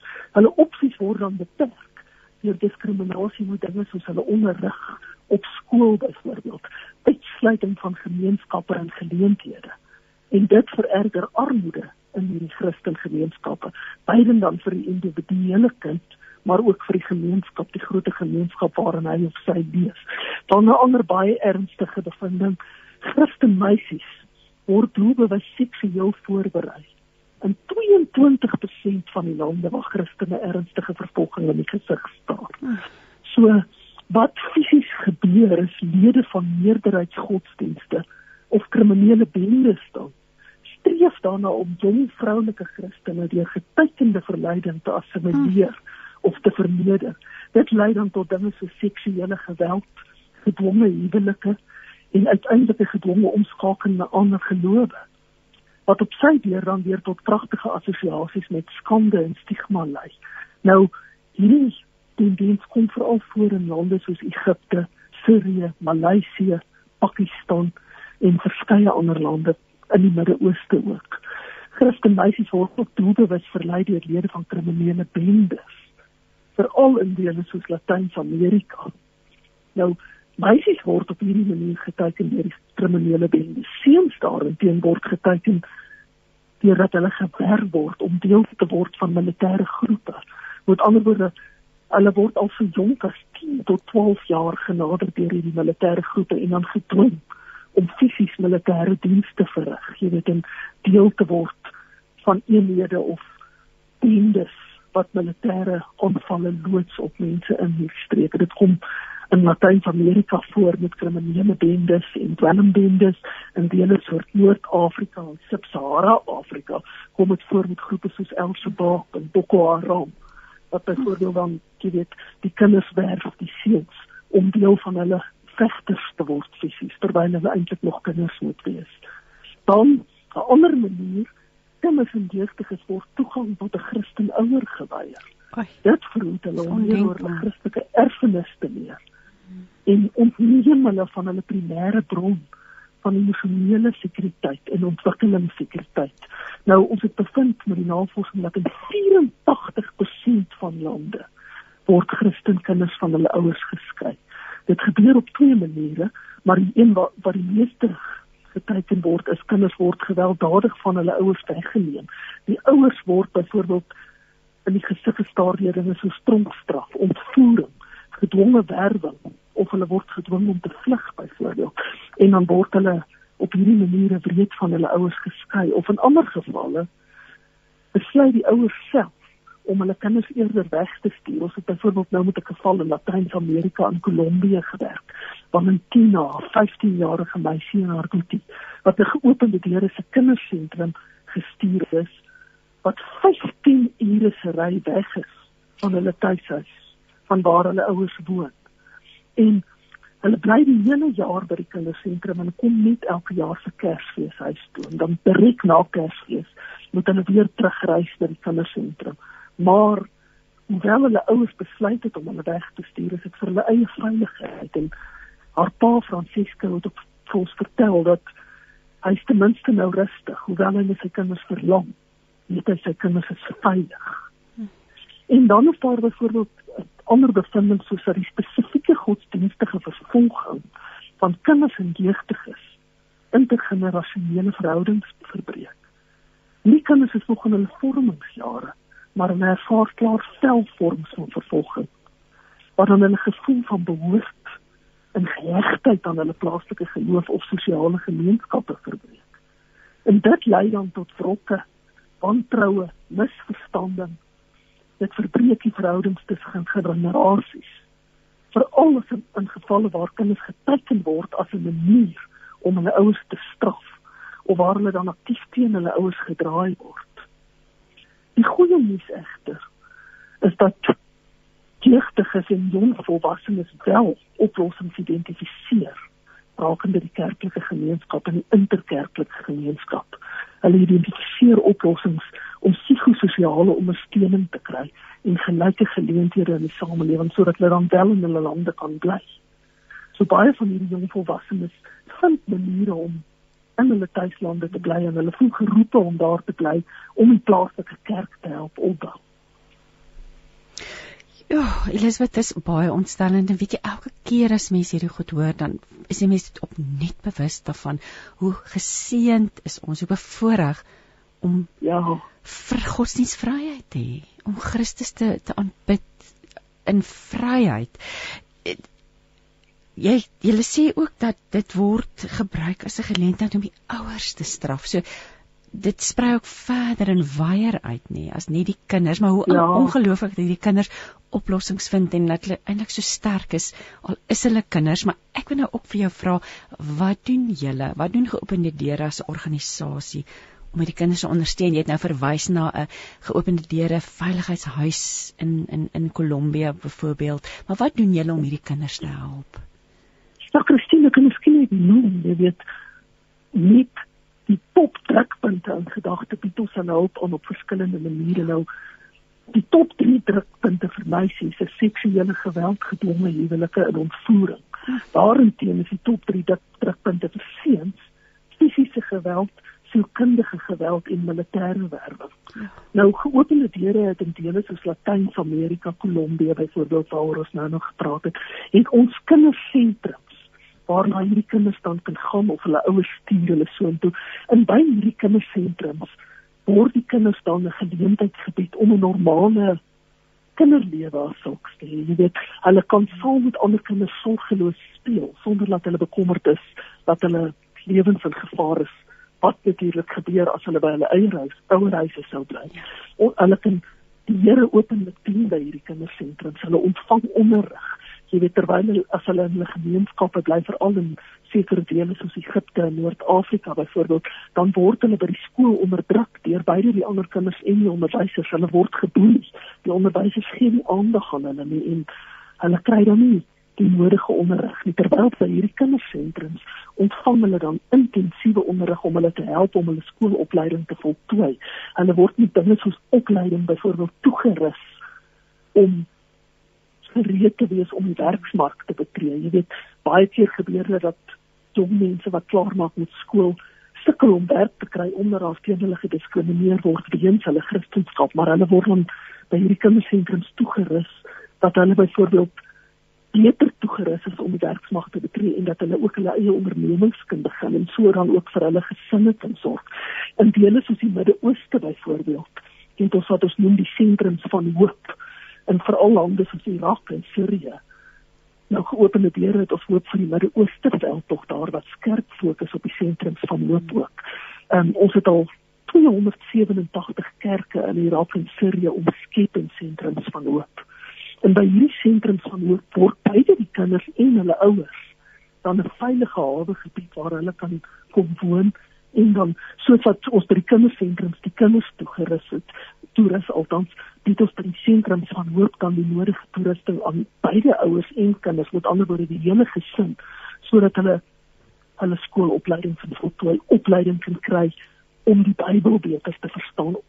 Hulle ontvang Christelike materiaal, hulle word geleer hoe om die Bybel te verstaan, hoe om die Bybel te kan lees. Hulle word geleer en opgelei sodat hulle wanneer hulle volwasse word dan werk kan kry by hierdie sentrum van hoop. So basies ons gebruik al al hierdie metodes om die kinders toe te rus. En ons wil graag sien dat al die kerke in die Midde-Ooste byvoorbeeld in sentrums van hoop omskep word. En ons wil sien dat ons meer kindersentrums in elke land vestig om kinders by te staan. Dit is 'n interessant Elisabeth die die periode noem waarin die verslag saamgestel is. Onmiddellik het ek gedink broer Andrew die stigter van geopende deure is ook oorlede op die 28ste September was dit? En Jo, dit was ook 'n groot groot hy het so impak en wat 'n nalatenskap het hy nie gelie ek ek, ek, ek dink dit is net eintlik nogal ironies dat hy in in hierdie periode dood is. Um ja, jy het natuurlik baie seker baie reaksie baie terugvoer gekry want hy hy was net 'n wonderlike mens geweest wat wonderlike werk gedoen het. Ja, weet jy Christine, ons het ons het fantastiese terugvoer gekry wat dit betref. Weet jy, ons het net weer onder die besef gekom hoe bekend broer Andrew was en wat 'n legende hy eintlik was en hoeveel hy vir die vervolgde kerk gedoen het, jy weet, en hoe hy sy roeping uitgeleef het en nou die nalatenskap wat hy los. Elisabeth, as mense wil meer te wete kom oor julle organisasie, waar gaan kyk hulle? Daar is uh, daar's definitief 'n webwerf, maar ons wil graag die kan jy vir ons net die titel of die die webwerf se se naam gee asseblief? Sekerlik, Christie, mense kan gaan na ons webwerf by www www.opendoors.org.za gee hom weer www.opendoors.org.za nou as hulle die blad op ons webwerf oopmaak dan is daar onmiddellik 'n venster wat hulle dan nooi om deel te word van ons hoop vir die Midde-Ooste veldtog en ook deel te word van ons veldtog om 'n miljoen gebede te kry vir Christene in die Midde-Ooste. So hulle kan dit doen en dan registreer vir die miljoen gebede veldtog waar hulle dan ook fisies sal sien nadat hulle geregistreer is hoe hulle liggie op die wêreldkaart begin skyn. Hmm. Alternatiefelik as mense spesifiek kinders wil bystaan, kan hulle gaan na ons geskenke van hoop afdeling. Hulle sal sien daar geskenk 11 is die geskenk wat hulle kan opklik dan om kinders spesifiek op verskillende maniere by te staan. Jy weet, het sy dit dan ook betrokkenheid as gebed ja. of besoeke of ja. finansiële betrokkenheid as 'n verskeidenheid maniere waarop hulle betrokke kan raak. Maar mense kan ook op die webtuiste ons volledige persverklaring oor hierdie onderwerp gaan lees. Ja.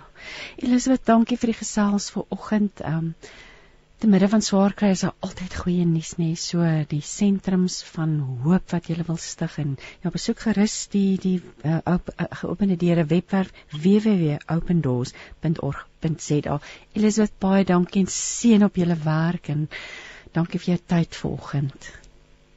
Christine baie dankie. Ons waardeer die geleentheid ook in die blootstelling wat jy vir ons werk gee en tot vir luisteraars alles seën toe wens. Dankie, dankie Elisabeth. Kom ons luister na Sonja Harold wat vir ons sing lofsang. Geloof, hoop en liefde. Ervaar oorwinning in jou lewe op 657 AM. Welkom by jou stilwordtyd. Ek hoop jy kan iewers gaan stil sit. Jou oë toemaak. Lekker diep en stadig asemhaal. En dan beleef hoe jou liggaam begin ontspan. Laat toe dat terwyl jy so diep asemhaal, God se vrede in jou vloei. Ja, word stil in jou liggaam, in jou siel en in jou gees. Here, U is hier. Ek is hier. Ons is saam hier. En daarom, Here, het ek vrede. Verlede week het ons begin met die aansteek van die eerste adventskers, die kers van hoop. Ek bid dat jy iets kon leer uit die oordeenking van wat ware hoop is. Hierdie week is die tweede week van advent en steek ons die kers aan van vrede. Vrede is so 'n gelaaide woord. 'n Woord wat dikwels geassosieer word met die gebrek aan konflik en oorlog. Maar vrede is soveel meer as die gebrek aan iets wat negatief is. Dis soos die betekenis van die Hebreëse woord Shalom sê om veilig, gesond en volledig te wees, om niks te kort nie. Vrede is om rus te hê en vervulling te ervaar. Dis om ten spyte van die geharwar om my rustig in myself te wees omdat ek weet aan wie ek behoort. En dan kan ek omdat ek vrede het wanneer die wêreld skree vir meer sê ek het genoeg want ek is tevrede. Vrede is om selfs as alles in my lewe nie in plek is nie diepe rus te ervaar dat daar 'n God is wat my vashou juis as dinge uitmekaar wil val. Dis om in tye wat dit voel of niks wil uitwerk nie te weet dat God se plan met my lewe volmaak is en dat ek hom kan vertrou daarmee. Ja, vrede is om God te vertrou al verstaan jy niks. Vrede is juis om nie altyd te verstaan nie, maar om in jou nie verstaan voor God te gaan staan. Dis om te weet dat jy nie altyd in beheer is nie, maar dat jy 'n God aanbid wat hemel en aarde in die holte van sy hand hou. Vrede beteken nie dat ons altyd gelukkig is nie. Ja, ons ervaar soms ongeluk en hartseer en pyn. Maar vrede vind ons in die wete dat God se getye altyd weer draai en dat hy in hoogwatertye in my lewe is, deel van my lewe is saam met my daardeur stoei. In my pyn by my bly. Vrede is om te weet dat hy ook die toekoms in sy hand hou. En dat hy iewers te weer die sagtheid van 'n sag uitspoelbrander in my lewe sal laat invloei. Dat hy hierdie hoogwater gety sal kan laat bedaar. Ja vrede is om in God te bly maar is ook om altyd te probeer om in gehoorsaamheid in hom te bly. Om die pad agter die vredevors aan te loop. Om te bly by die kribkind wat gekom het om vrede op aarde te bring. Die vrede wat hy kom gee het aan 'n paar eenvoudige herders in die oop veld. Die vrede wat hy kom demonstreer het aan mense rondom hom Ja, vrede is om ten spyte van wie en wat ek is te weet dat ek self nooit kan nie, maar dat ek in hom voor sy krib altyd weer genade ontvang. Vrede is om te weet dat ek uit myself uit tot niks in staat is nie. Dat ek onvolmaak is, nooit perfek sal wees nie, altyd ongehoorsaam sal wees, maar dat ek altyd weer by die verlosser kan gaan kniel in die wete dat hy vergewe, dat hy my omhels en dat hy my help om weer te probeer om in en deur hom te leef. Ja, vrede is om soos Paulus in Filippense 3 onsself los te maak van wat agter is en ons dan uit te strek na wat voor is. Om te weet dat ons altyd weer kan probeer omdat ons 'n God het wat nooit met ons opgee nie. Liewe vriend en vriendin, ek bid jou in hierdie dae regtig vrede toe. Die vrede wat jy ten spyte van baie dinge sal vind op 'n plek waar jy stil word. Waar jy jou fokus instel op die God van vrede in jou. Jouself oorgee aan sy liefde en beskerming. Ek bid dat jy in hierdie dae rus sal vind in die wete. Hy, die kind, het reeds alles vir jou gedoen.